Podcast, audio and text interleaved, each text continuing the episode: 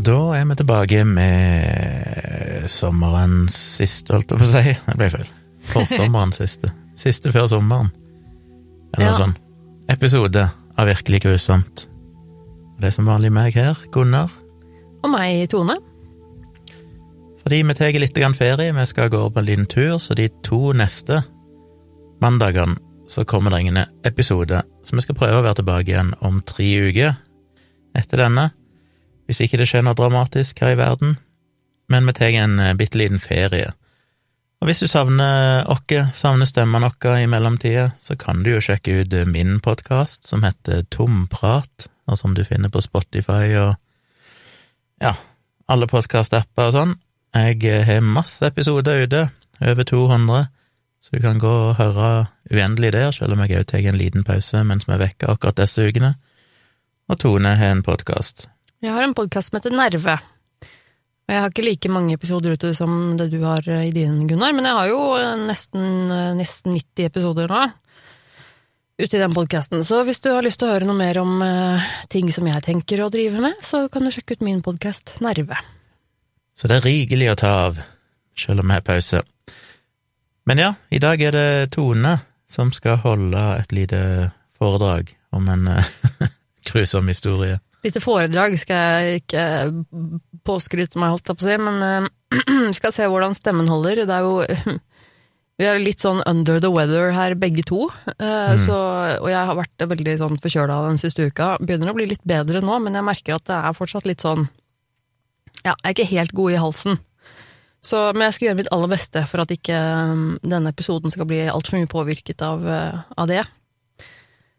Um, I dag eh, skal jeg snakke om en hendelse eh, som er et eh, tragisk nok eksempel på mange slik, slike lignende hendelser. Em, det er Jeg skal snakke litt om dyr i dag. Og det at mennesker har i alle år hatt en fascinasjon for dyr. Og det å holde ville, eksotiske dyr i fangenskap. Og det har vi jo sett utallige eksempler på at eh, kan gå veldig, veldig galt mange ganger. Og i dag skal jeg fortelle deg historien om et eh, slikt tilfelle. Jeg skal fortelle deg om en uh, sjimpanse som het eh, Travis. Og han, uh, Travis, han ble født i 1995 i et uh, reservat, et uh, i, uh, i USA som het Missouri Chimpanzee Sanctuary. Um, og han ble, altså han ble født der, og etter bare tre dager så ble han tatt fra, tatt fra moren sin. Eh, ikke helt sikker på akkurat hvorfor greia var med det, men de tok nå i hvert fall eh, denne lille eh, ungen vekk fra moren sin, og han gikk til en, en sånn oppdretter, da. Og så ble han adoptert av, eh, av et ektepar som ville ha Travis rett og slett som sitt kjæledyr hjemme hos seg. Ah, Og tra altså, Travis fikk da navnet sitt av dette ekteparet. Det er Sandra og Jerome Harold, heter de. Eh, som, eh, som da adopterte denne lille, vakre, søte bylten av en sjampansebaby, og eh, ville ha dette, dette som et familiemedlem, og kalte han da Travis. Um, de tok med seg Travis eh, hjem til eh, der hvor de bodde, i Connecticut, og eh, tenkte at her skal vi leve et lykkelig liv med vår pet chimpanzee, liksom. Sandra og Jerome de ble veldig glad i Travis, selvfølgelig. Den kjempesøte lille apekatten. Tok han med seg overalt. Eh, De tok han med seg på jobb, de tok han med seg på butikken når de handlet, eh, hadde han med seg rundt omkring i byen, og eh, det ble jo ganske fort populært dette her, og Travis ble jo fort kjent i nærområdet, siden han Åh, jeg har en hund her i fanget, apropos dyr. Hun er veldig masete. Nå forhåpentligvis har hun lagt seg Ja, ligg der, da. Sånn. Ehm, hvor var jeg? Jo uh, uh, eh. Jo, eh, Travis ble jo fort kjent i, i nærområdet her. Eh, og han var veldig sjarmerende og veldig søt, og, og folk digget jo Travis, ikke sant. Og, og han ble også eh, med dem på jobb, og det vil si fordi Sandra og Jerome de eide et bilbergingsselskap. Så de var jo mye ute og kjørte og tauet biler rundt omkring i, i byen der. Og de hadde stadig med seg Travis på jobb. Og de hadde også Travis eh, poserende for dem på bilder og liksom eh, reklame for bedriften og sånn. Og, de, eh, og, og han, Travis ble jo kjent av veldig mye politifolk, for det er jo ofte når du kommer på en sånn Når du trenger bilberging, så har det jo ofte skjedd en ulykke eller noe lignende, og politiet er jo ofte stadig til stede da. Og øhm, han ble, ble veldig kjent av politimenn, da, fordi han, eh, Travis var så glad i å hilse på dem, og de syntes det var så gøy, disse politimennene, at han alltid hilste så fint, og sånn da, når de kom med bilbergingsbilen sin. Men var det en fleipedapekatt? Det var, ja, det, det var nok ikke en riktig fleipedapekatt, sånn som vi kjenner dem fra Kristiansand, men eh, det var nok noe i nærheten, kanskje. Eh, Travis han er jo oppvokst eh, sammen med mennesker. Altså Han ble jo adoptert da han var bitte, bitte liten, så han er jo sosialisert eh, fra første stund, nærmest. Eh, og lekte ofte med, med naboer og, og, eh, folk, eh, andre barn og sånn. Og det var en nabo som hadde vokst opp eh, samtidig med Travis, som ofte liksom tulla og lekte med Travis the Chimp, som uttalte at han var veldig god og veldig sånn flink å, å, leke med, Travis. Og han, selv om han på en måte kunne lekeslåss og litt sånn, så visste han alltid når han skulle gi seg. Han var veldig flink til å ta clues på liksom at nå, nå er det nok, eller ikke, ikke, mer eller mindre sånn og sånn. Og var veldig lydig og hørte alltid på eh, eierne sine, da. Og så i grunnen eh, lykkelig utgangspunkt, holdt jeg på å si. En god start, i hvert fall. Uh, og Travis vokste jo opp. Han ble jo uh, bodde jo der i mange år. Og um, apekatter, uh, sjampanser, er jo veldig søte og små når de er babyer, og så vokser de seg jo ganske store. Og Travis, han er jo en, til og med en, altså en, en mannlig sjimpanse, og de blir ganske store. Han veide jo opptil 90 kilo på slutten. Det er ganske mye. Det er jo bare en uh, bylt med, med, masse krefter, holdt jeg på å si.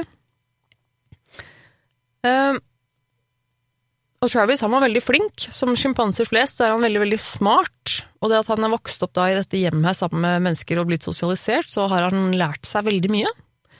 Og var i stor grad en uh, del av familien og måten de levde på. Han kunne åpne opp uh, låste dører med nøkkel, det visste han hvordan han gjorde. Han kunne kle på seg selv.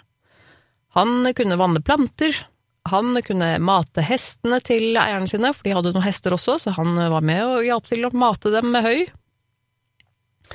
Han spiste også middag, han ved bordet sammen med resten av familien, og um, Han kunne også drikke vin fra stetteglass. Og her her ringte en liten bjelle hos meg, for jeg tenkte jo at uh, ja, det er jo fint at han kan uh, For så vidt imponerende at han kan drikke av et setteglass, men gir du sjimpansen vin?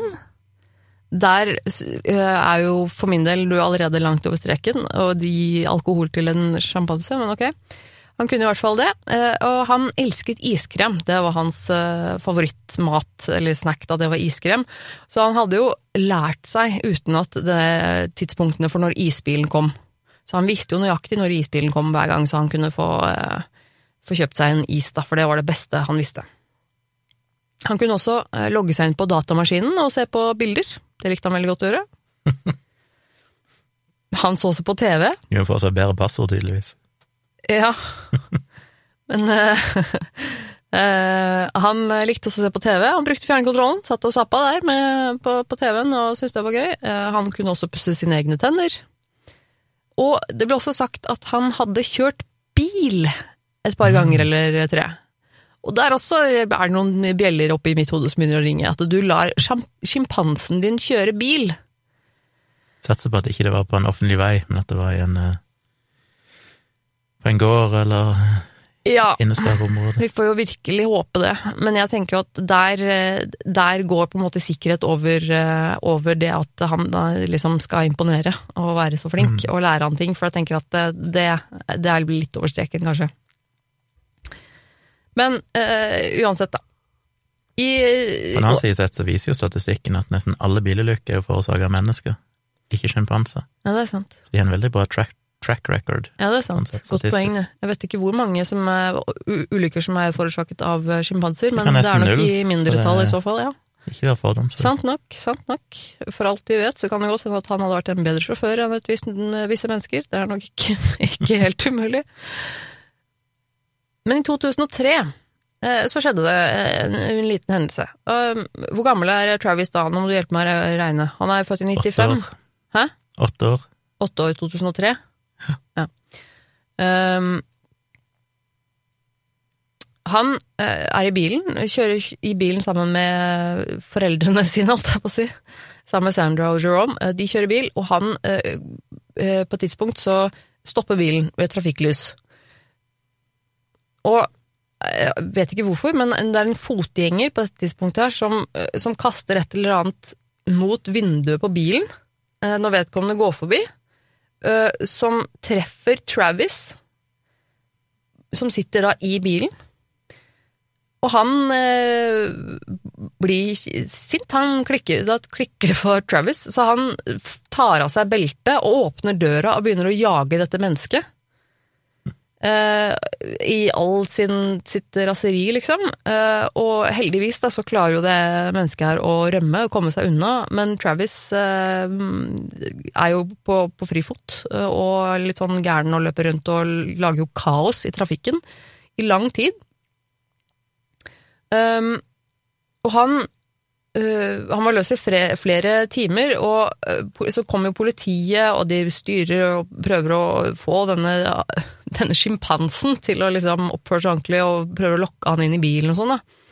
Så øh, politibetjentene her prøver å lokke med seg Travis inn i bilen og liksom lokke han med godterier eller sånne ting, men Travis er jo ikke så dum, han. Så han lar seg lokke inn i bilen og tar godteriet, men med en gang han får godteriet, så bare kommer han seg ut av bilen igjen. Hopper han ut i andre døra eller altså et eller annet sånn, og begynner å, heller å løpe etter politikonstabelen. Altså, sånn holdt han på ganske lenge. Mm. Til de til slutt eh, klarte å bedøve han med en bedøvelsespil. Eh, og da ble han jo slapp og sliten, og da fikk de endelig liksom hauka han inn igjen, da. Men det, dette her ble jo eh, Det ble jo store kaos og veldig mye, mye oppstyr av dette her.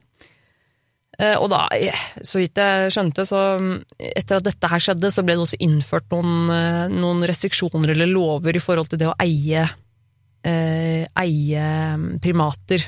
Jeg tror det var noe sånn For det var ikke noen lover fra før av eh, i denne staten her tydeligvis da, om det å eie primater eller eksotiske dyr generelt eller noe sånt, tror jeg.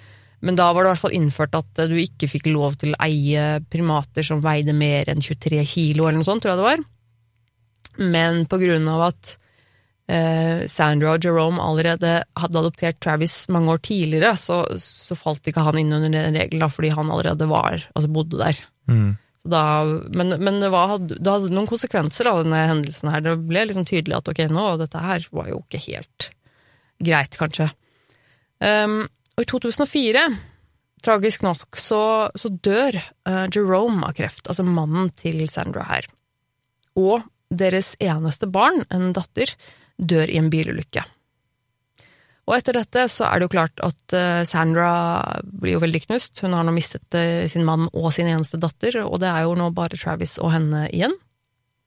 Og hun ser jo på Travis som en sønn, eh, nærmest, og, skjemmer ham bort. Hun sover med han, hun bader med han, de spiser middag sammen, og han Folk som kjenner dem, sier at eh, hun matet han jo med alt mulig, og tydeligvis var han jo veldig glad i iskrem og litt sånn, så han ble ganske overvektig. eh, denne Travis, stakkars sjimpansen, så han var ganske stor.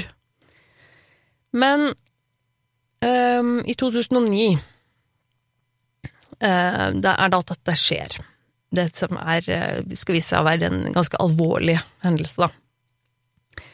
Eh, Sandra hun eier jo dette mm, bilbergingsselskapet, og i dette firmaet så har hun en kollega og en venn ansatt som eh, heter Charla Nash. Eh, på dette tidspunktet i 2009 så er Sandra 70 år gammel, og hun, denne venninnen hennes og kollegaen, Charla, hun er 55 år gammel.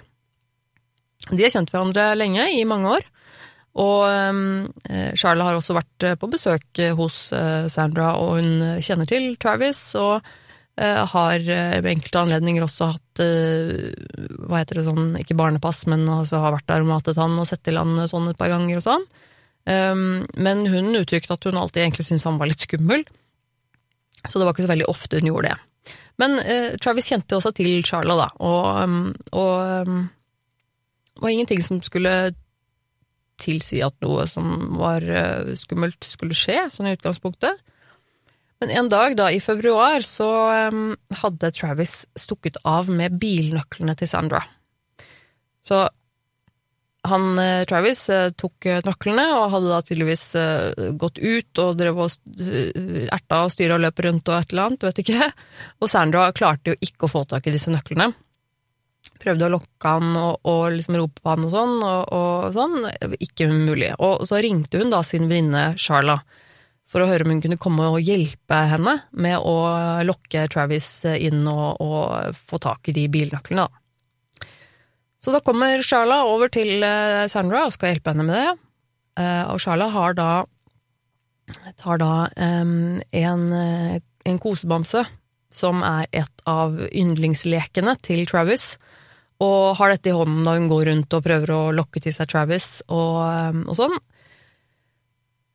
Og da eh, Dessverre, det som skjer, er at Charla holder da liksom på et tidspunkt bamsen opp foran seg og prøver å lokke til seg Travis, hvor han eh, klikker og blir rasende og angriper Charla. Og Sandra hun eh, var vitne til det her, og hun, hun, prøver å stoppe det. Men dette er jo en uh, rabiat, kjempesint, 90 kilo tung, svær uh, sjimpanse som da har hoppet på venninnen hennes. Som ligger på bakken og prøver å beskytte seg, og mens denne apen da blir helt rabiat og går til angrep. Så hun, Sandra, hun, det er ikke så mye hun kan gjøre. Hun prøver alt hun kan. Hun tar en spade som hun prøver å slå Travis i hodet med. Det hjelper ingenting. Hun tar også faktisk og stikker stikker Travis i ryggen med en, med en kjøkkenkniv. Som hun selv altså beskrevet å være ekstremt traumatisk for henne å gjøre, for dette er jo som et mm. barn for henne, men hun skjønner liksom at hun må prøver å gjøre noe, prøver å få denne apen av venninnen sin, men han, hun klarer det ikke. Han er for stor, og han er for sterk, og det at hun skader han, det gjør han egentlig bare mer sint.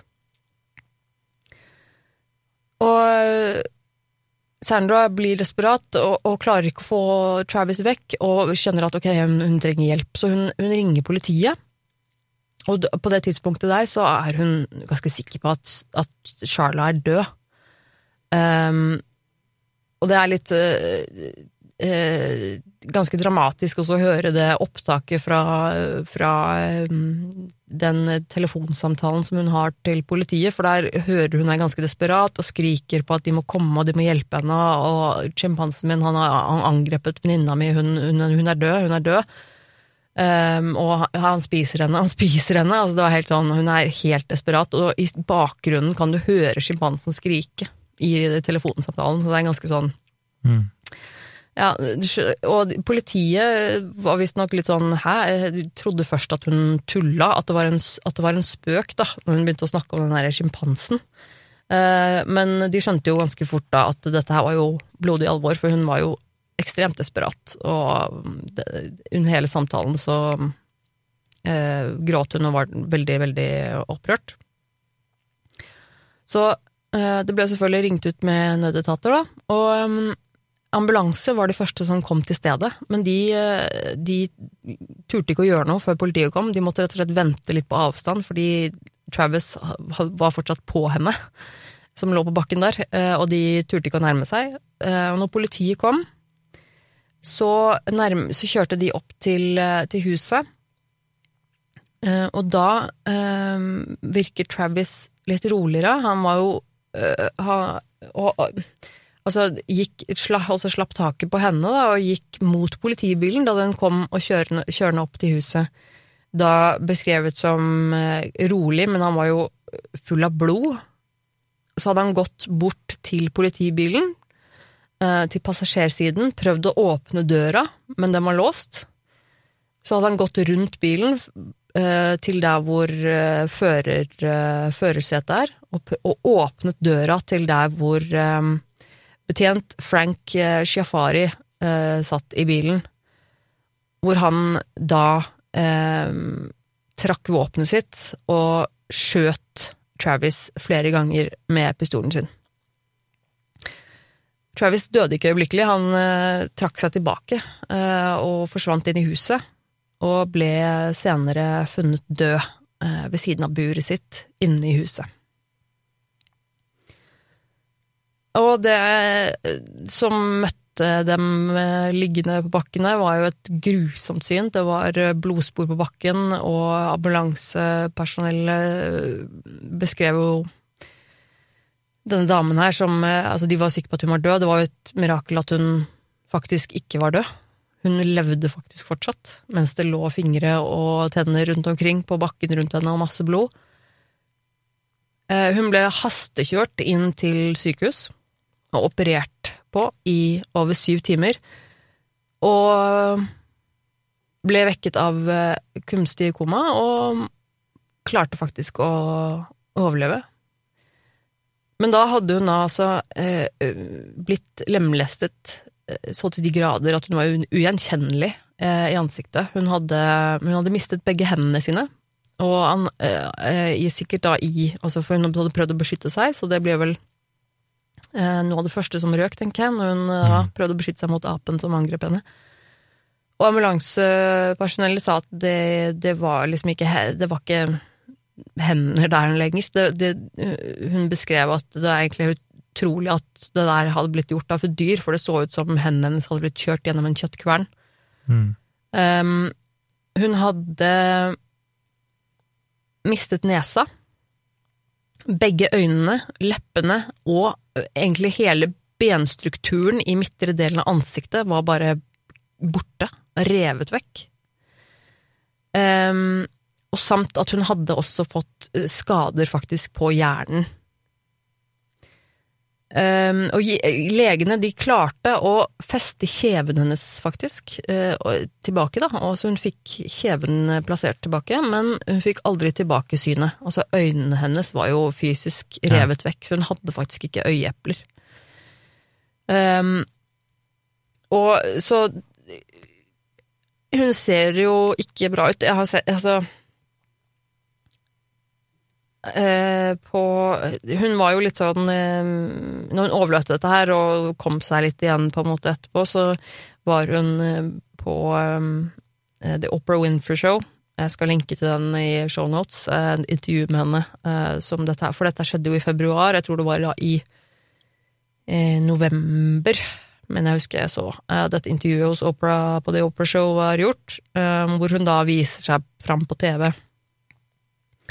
Um, og forklarer og forteller liksom hvordan hun opplever det, og hvordan livet hennes er og sånn. Og hun, dette ble jo en kjempesak eh, i hele USA, egentlig verden rundt, eh, dette med denne apen som hadde angrepet henne. Og hun ble jo jaget også av eh, journalister og sånn, som ville ha bilder av ansiktet hennes, for hun var jo helt Mm. ugjenkjennelig. Hun hadde jo ikke noen eh, Hun hadde jo egentlig ikke noe ansikt igjen.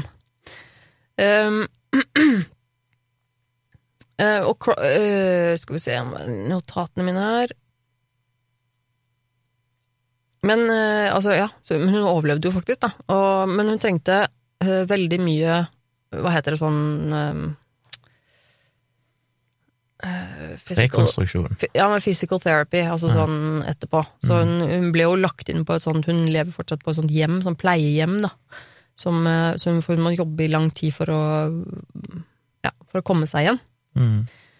Eh, kroppen til Travis ble jo undersøkt, og toksikologien, eh, toksikologiprøvene, viste at eh, han hadde Sanax i blodet. Mm. Og Sandra, altså hun som eide han, hun innrømmet at hun tidligere samme dag hadde gitt Travis Sanax i teen hans. Eller Sanor, da, som den er kjent for eh, her i Norge. På norsk heter den Sanor. Dette, dette er jo et eh, angstreduserende middel, eller medisin, eh, som inneholder benzodiazepiner. Som jo som kjent er et veldig vanndannende eh, middel som man skal være veldig forsiktig med å ta. Og I akkurat dette, i, i Sanor, så er alprazolam som er virkestoffet. Og det virker dempende på sentralnervesystemet, og det er et veldig sterkt middel, altså det er en veldig sterk medisin. Eh, Og den er også kjent for å skape, kunne i noen tilfeller skape sterke bivirkninger, og i noen tilfeller også eh, helt eh, paradoksale virkninger, Altså den kan ha omvendt effekt hos noen. Så den er kjent for å da kunne være hemningsdempende og lede til aggresjon og mani hos mennesker, i noen tilfeller. Eh, Så, så hun hadde jo da gitt dette her til sin sjimpanse i teen hans samme dag. Jeg hadde bare å- antatt at det er akkurat samme effekt i et dyr òg, som i et menneske. Ja, ikke sant? Og så bare for å roe han ned litt, for han hadde vært litt amper den dagen, liksom. Mm. Så hadde hun gitt han Sanor i teen hans. Altså, det Jeg bare Ja. Um, og som sagt var jo også Travis overvektig, så han var jo heller ikke sunn, og frisk på andre måter, liksom. Og Sandra, da, moren hans, hun eh, døde faktisk eh, året etter av eh, blodpropp. Og eh, det ble beskrevet at hun hun, det nok ble for mye for henne. Dette året etter dette her hadde jo vært et forferdelig tøft år for henne. Hun hadde jo mistet hele familien sin, og nå Travis også, og i tillegg til at hennes gode venninne da hadde blitt angrepet og nesten drept. Og hun ble jo saksøkt, og um, ja, ikke, det var ikke måte på, så eh, hun døde faktisk året etterpå. Og um, det er jo litt fascinerende, da, den, eh, den eh, historien, eller den Det som Charla gikk gjennom etterpå med, med transplantasjoner og, og sånne ting. Bare det at, selvfølgelig bare det at hun overlevde, er jo ganske fascinerende, men hun eh, fikk eh, transplantert etter hvert et ny, nytt ansikt. Jeg vet at de, det var snakk om at de tok noe bein fra et annet sted i kroppen hennes og, og festet det i eh, i, i midten av ansiktet hennes for å på sikt kunne rekonstruere en nese. Um, og de klarte å lage en, en munnåpning. Eh, Så på de første intervjuene som jeg har gjort av henne, så er det ansiktet hennes er egentlig bare en slags blob. eh, Med noen groper der øynene har vært, og en, en slags sånn åpning sånn på tvers, der hvor de har laget en slags munn. Eh, og så ser det ut som hun puster gjennom et rør i halsen. Så det er, på en måte, det er helt ekstremt. Og så har hun jo senere også tatt, eh, fått gjennomgått noen ansiktstransplantasjoner. eh, og, og for hendene også. Eh, og Visstnok så prøvde de å gjøre én operasjon, det var visst første gangen det noen gang var gjort, at de prøvde å utføre en ansiktstransplantasjon og en håndtransplantasjon samtidig. Så hun Ehm, det var en operasjon som varte i over 20 timer, hvor de da prøvde å gi henne nye hender og et nytt ansikt, da fra samme donor, tror jeg det var. Eh, og det, operasjonen gikk bra, men dessverre så viste det seg at eh, hun Sharla fikk, eller hadde lungebetennelse, som hun fikk rett etterpå. Uh, så hun ble ganske syk, og det kombinert med da litt dårlig blodsirkulasjon til de nye hendene, så måtte de dessverre fjerne hendene hennes igjen. Eh, Men du kan se på nyere intervjuer av henne at hun har fått eh, et eh, slags ansikt rekonstruert. Hun har nå liksom nese, hun har fått eh, øyesokkel med et sånt falskt øye, jeg lurer på om hun har fått to også nå etter hvert, eh, og en munn. Eh, Så hun ser jo på en måte nå ut som et menneske, hun har jo et ansikt igjen. Og nå kan hun liksom prate, men hun høres fortsatt litt rar ut når hun prater, hun snakker litt sånn utydelig. Men det er ganske må si, ganske fascinerende og utrolig hva de har klart å, å gjenskape av det ansiktet som eh, bare ble bokstavelig talt revet ut av hodet hennes. Altså, det er ganske, ganske drøyt. eh, så jeg, den, eh, for de som har lyst til å se, så linker jeg til det, det Opera-intervjuet, hvor du kan se henne rett etterpå. Og i tillegg så er det også en 60 Minutes. Australia hadde en, en slags en sånn reportasje om både hendelsen, men også litt om de transplantasjonene som ble gjort etterpå, som var ganske interessant. Men det er masse av dette kan man finne på nettet, for dette ble jo en ganske stor sak. Dette her ble jo et sånt skrekkeksempel på ja, et av mange, egentlig, skrekkeksempler, vil jeg si, eh, av når eh, mennesker er så forbanna dumme at de skal ha eksotiske kjæledyr. Så jeg må si at jeg eh, som gjør meg litt forbanna. Og det er jo en kjempetragisk historie. Både altså Sandra, som Hun må jo ha hatt det helt grusomt med, med å miste familien sin og Travis og, og venninna og alt dette her. Eh, selvfølgelig. Eh, men, eh, men, det at de adopterte en sjimpanse som kjæledyr i utgangspunktet, er jo helt horribelt. Ja. Og det, det, er jo mange som gjør dette her, rundt om i spesielt i statene og sånn, kanskje. Er det vel Eller kanskje ikke spesielt i statene, men i hvert fall kjent. At det er mange som har diverse kjæledyr, som ikke er, ikke er holdt opp si designa for å være kjæledyr. Og det finnes jo så mange eksempler på folk som har blitt skadet, men også drept av sitt eget kjæledyr um, på denne måten her. Enten om det er eh, folk som har dem som kjæledyr hjemme, eller folk som, som jobber i reservater og dyreparker, ikke sant. Uh, nå også som sikkert mange av våre lyttere også har sett Tiger King på Netflix, som jo var uh, veldig populær og, og, pratet om nå, var det i fjor, så var det jo Fikk vi jo se der også en, en dude som het Saff, som fikk armen sin revet av av en av tigrene der. Ja, jeg tenkte jo umiddelbart på Tiger King, for i den så kom de vel litt innom det med hvor dårlig lovverket var i mange amerikanske stater når det gjaldt det å mm. ikke ha noe forbud mot å ha sånne eksotiske dyr, og at det var vel fremgang der da det ble flere og flere plasser, så ble det ulovlig etter hvert. Og også i Connecticut, da, den eh, hjemstaten der hvor disse Travis, Travis og eieren hans bodde, så ble det jo også eh, etter dette her er det jo også flere endringer som er gjort i, i lovverket, vet jeg. Jeg har satt meg ikke inn nøyaktig hva det var, for jeg syns ikke det i seg selv var så veldig interessant, men det er nå i hvert fall um, De har nå i hvert fall skjønt at det, er, at det, er, noe i lovverket der som må strammes inn. Mm. Men det er um, Jeg syns jo sånne ting er de som, som, kjenner meg litt, de vet jo at jeg er veldig opptatt av dyr. jeg er jo eh, veldig opptatt av og glad i dyr, og syns at det er noe av det mest eh, motbydelige jeg vet om, er, er når folk skal ha tigre og sånne ville dyr, store dyr, i fangenskap eller i eh, som kjæledyr. Det er eh, dyreplageri, utelukkende. Og det syns jeg er en så motbydelig greie. Og det som dessverre er tilfellet med veldig mange, sånn som i dette tilfellet med Mest sannsynlig, da, eh, med Travis, var jo at eh, jeg, jeg tenker meg at, at, de nok ikke visste nok om hva det innebar, innebar å ha en sjimpanse som kjæledyr, og hva en sjimpanse faktisk Ikke bare hva han er i stand til å gjøre, men også hva de trenger.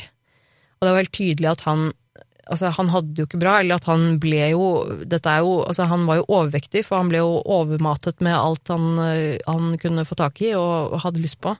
Og tydeligvis eh, har han med, i hvert fall én gang gitt han medisiner, sterke medisiner, som er beregnet på mennesker.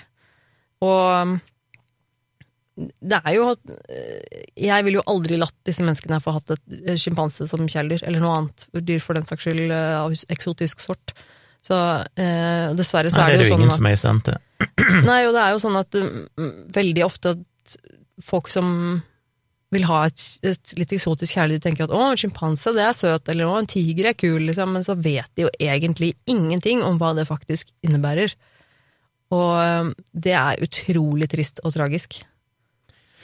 Ja, det gjelder jo selvfølgelig alle typer dyr, eh, fra hunder og katter til alt mulig rart, altså du skal jo vite hva du gjør, og det er nok Absolutt. mange i går så jo normale kjæledyr òg, som ikke er det spesielt bra, fordi at de er eiere som ikke visste hva de bega seg ut på og sånn. Ja, absolutt. Dessverre er det sånn. Jeg mener jo lovverket, i, inklusiv i Norge og sånn, bare det at du kan ha en undulat i bur, syns jeg er Jeg fatter ikke at det er lov å ha fugler i bur, for eksempel, at ikke det er ulovlig, for det må jo per definisjon være dyreplageri.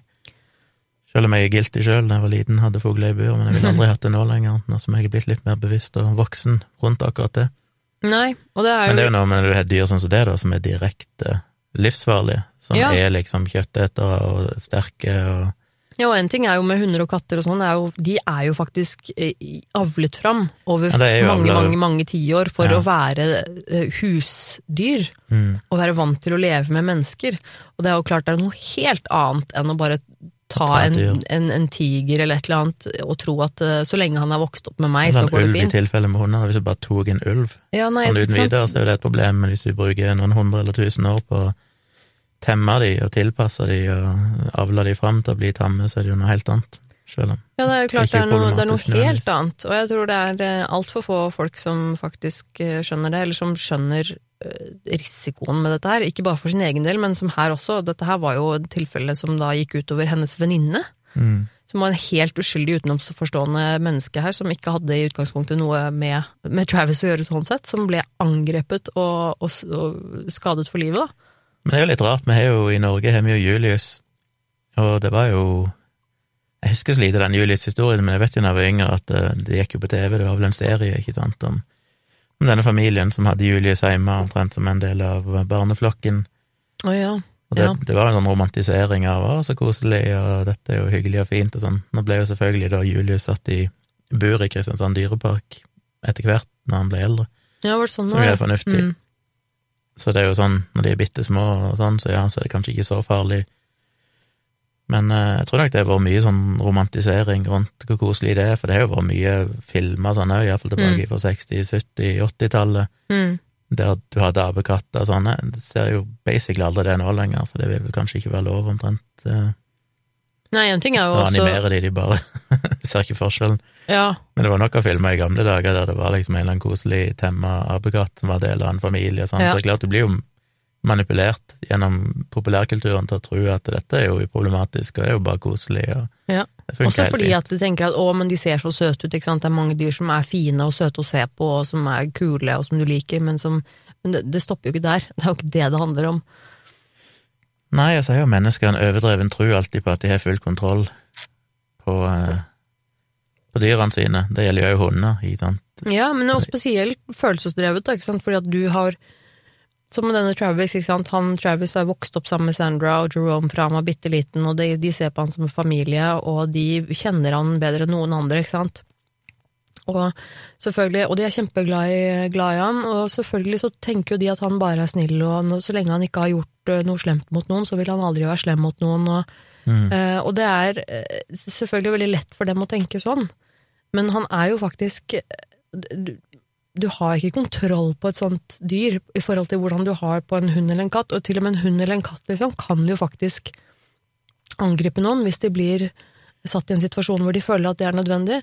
Og når det er et vilt dyr, akkurat som, dette, som Travis eller andre dyr som er, ikke er avlet for å være tamme, så, så har du ikke noe, du har ikke noe innsikt i de instinktene der. Nei, altså hunder er jo tamme, og det går bra så lenge det går bra.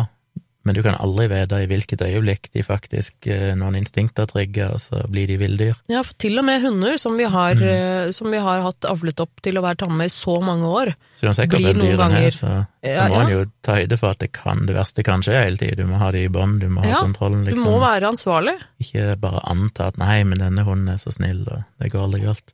Nei, jeg synes Men så er det stadig vekk det. Jeg mener nå nylig, det er jo ikke mer enn ei uke eller to siden et lite barn ble drept av hunder igjen her i Norge. Så det, Ja, det er grusomt, altså. Det er virkelig tipper eierne der òg tenkte at ja, men det, det er snille, og de vil aldri ha skada noen, men så plutselig, bang, så skjer det et eller annet som trigger noe. Ja.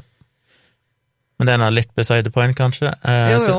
Jeg, når du fortalte Jeg tror ikke jeg har hørt om historien sånn umiddelbart, men når du fortalte det, så tenkte jeg eh, om det var bare et eller annet eh, assosiasjon jeg gjorde, eller om jeg faktisk trigga et eller annet minne, men jeg tenkte umiddelbart på det at hun har sikkert fått eh, transplantert ansikt.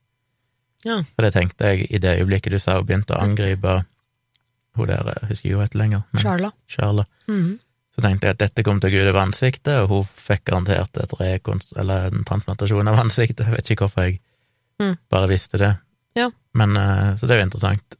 Ja, men det, som sånn, sagt, det ble jo en stor sak, så det kan jo Mm. godt hende at du hørte om det da det skjedde Og det virker jo sånn, jeg, jeg vet ikke om det er bare noe jeg innbiller meg, men jeg føler jeg har hørt andre sånne historier. Det er mens det Mm. ut over ansiktet, at sjimpanser gjerne river av ansiktet ditt. Ja, de går jo gjerne for hodet, ikke sant. Både tigre og andre dyr også, de, de eh, går jo gjerne for hodet og andre, andre sånne type historier også, hvor du ser at mennesket da gjerne dør fort, fordi at instinktet til dyret er gjerne å gå for nakken eller hodet. Mm.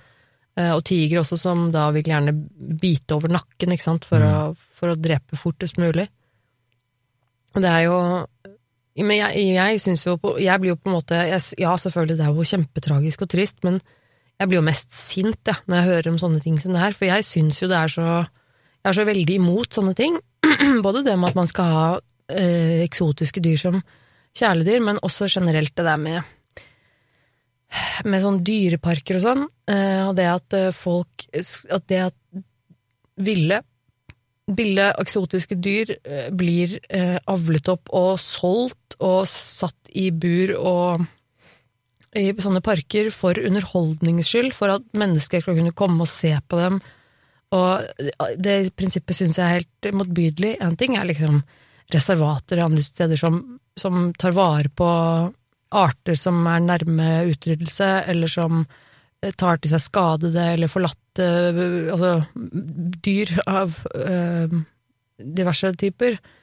uh, det er alt for, men altså Men det er så mange Det er dessverre så innmari stor industri, det der med å utnytte eksotiske dyr.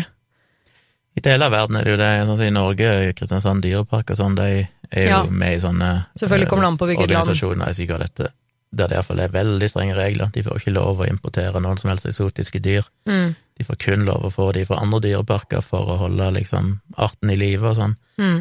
Så der er det jo ingen, de får ikke lov å gå og kjøpe ei løve som har vært i, vill, i naturen, liksom. Det, det skjer ikke i sånne dyreparker. Så jeg, jeg syns ikke det er spesielt uetisk i de, tvert imot så har jo de klart å ivareta enkelte arter som ellers ville vært utrydda, og til og med satt tilbake inn i naturen. Arter ja, da- som ellers ville vært utrydda fra naturen, fordi de klarte å holde de i live i dyreparken. Ja, men det er det jeg vil si Men- at det jeg vil kalle del- mest Det vil jeg på en måte mest sammenligne med sånn type reservater, da, som på en måte tar vare på dyra. det var viktig å holde det, for jeg tror det er mange som tror at dyreparker er liksom forferdelige. Men Ja, generelt er det nok ikke det. skikkelige dyreparker, holdt jeg på å si, er jo ikke det. Ja, det, for det finnes jo dyreparker, selvfølgelig, Det er dyreparker til og med i Europa òg, som nok er ganske uetiske. Og sånn, Ja, det er det eh, nok. Det, eller det vet, det vet jeg at det er. Det er flere dyreparker i store byer i Europa som, som Jeg vet ikke hvordan det er i USA, hvordan regelverket er der, men så det finnes begge deler. Det er viktig å huske på. Og dyreparkene har definitivt en viktig funksjon òg, positiv funksjon for dyrene.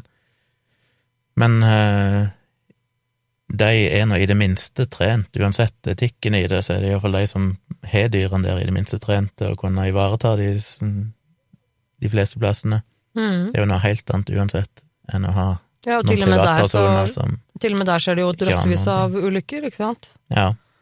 Det er jo masse, mange ganger hvor, hvor mennesker som er godt kjent med dyra, som er profesjonelle på dette her, som også blir skadet eller til og med drept i, i sånne typer steder, ikke sant? Og det sier jo litt, da. Skal du ta dette dyret da ut av dette eh, relativt trygge stedet, og så ta det med deg hjem, liksom? Mm. Um, det er bare en veldig, veldig, veldig dum idé, vil jeg si.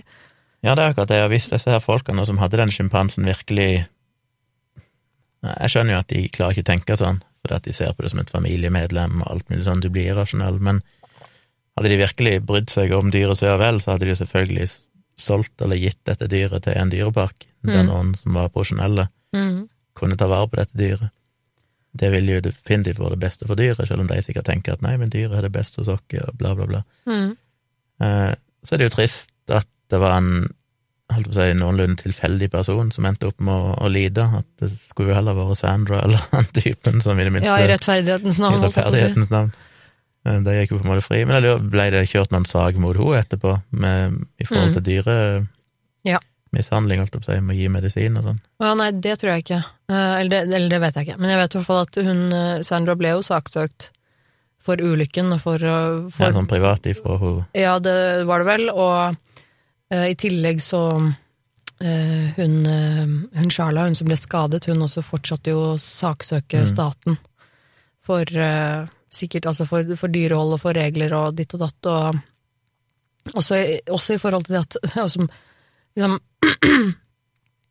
er ganske absurd, men jeg også hørte det et av, de, et av de stedene jeg leste eller så på i dag, så, så nevnte de også det at hun, hun øh, er jo nesten tvunget til å bare fortsette å saksøke staten, fordi at øh, de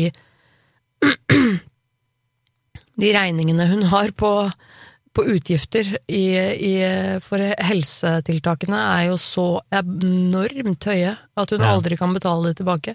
Så det er jo Hun, hun Jeg skjønner at du stilte opp på Opera, fikk det godt betalt der, men det ja, hun men, og det er jo bare det er jo så tragisk sant, at noe sånt kan skje i USA, og at hun da blir skadet for livet og trenger enormt mye hjelp og operasjoner og, og støtte og, og sånne ting, og så eh, er det i utgangspunktet noe hun må betale selv. ja. Det er jo helt absurd. Jeg vet ikke hvordan det var med hennes helseforsikring og sånn. at uh, kanskje ikke det er dekka. Kanskje så sært. tviler på at det var dekket.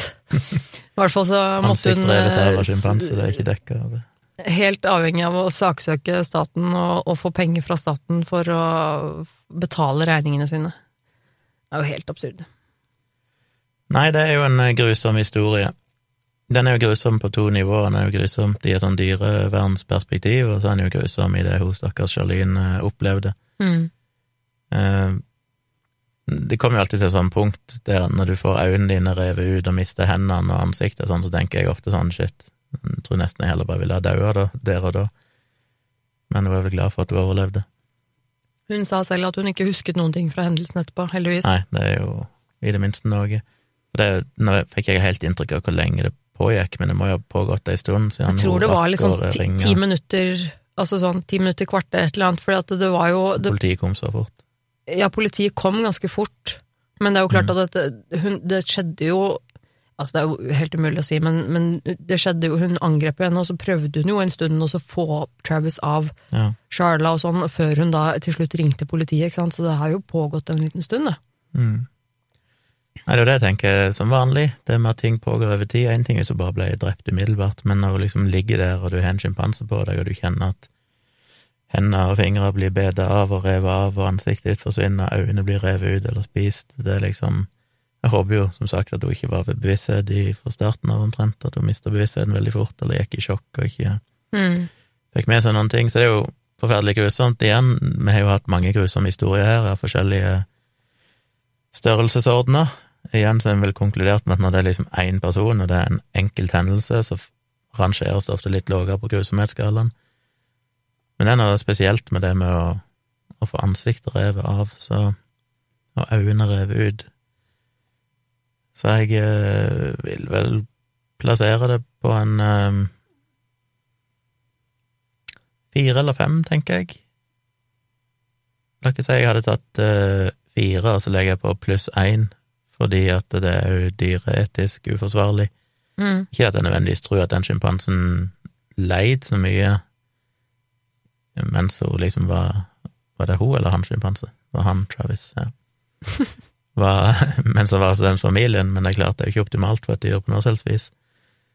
Så la, la meg si fem på grusomhetsskalaen. Jeg syns det var eh, mildt. Syns du det?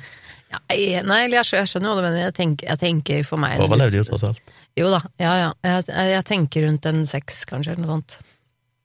På skalaen, for min del. Men jeg må jo også da bare eh, si, som, eh, som den dyrevennen jeg er, at eh, ikke dra Hvis du er på ferie i Thailand og, og sånne steder som det er, som tilbyr sånn derre ri på elefant, klappe en tiger, eh, et eller annet sånt noe, ikke gjør det. Ikke gjør det. Det er eh, dyr som er avlet opp for turistnæring, for at de skal komme og plukke og ta på dem og kose med dem, og når tigerungen blir voksen, så blir de bare drept. Eller eh, elefanter som blir lenket fast og ikke har et godt liv, bare for at turister skal kunne sitte på ryggen deres. Og, sånn, og dyreparker og sånn, gjør litt, litt research før du gir penger til sånne steder, før du besøker det, og samme med sånn vannparker som har, som har vann dyr, altså enten om det er delfiner eller uh, spekkhoggere og sånne ting, som har det forferdelig i fangenskap. Ikke gi penger til sånt. Tenk ikke litt grann ikke bestill en sjimpanse på eBay. Ikke gjør det heller. Eh, Så bare råde folk, må, må liksom bare få sagt det på slutten. At eh, tenk, tenk to ganger, fordi at eh, man, man trenger ikke nødvendigvis å jeg, jeg skjønner at folk faller for det, holdt jeg på å si, fordi at eh, er man på ferie i Tanzania eller jeg vet ikke hvor, altså, får man liksom Oi, her kan vi gå og hilse på en tigerunge. Hvem er det som ikke har lyst til å hilse på en tigerunge? Jeg skjønner jo det, liksom. Jeg hadde hatt kjempelyst til å kose med en tigerunge, jeg òg. Men bare tenk litt lenger. Hvor er det denne ungen kommer fra, hvorfor er den der, og hva skjer med den ungen? Det er ikke en pen historie, så Nei, her er jo det mye variasjoner. Det er noen plasser der det faktisk er en del av konservering av og pengene brukes faktisk fornuftig til å konservere arter. Ja, men poenget er at ting, hvis du så- gjør researchen, ja, så hva du går til.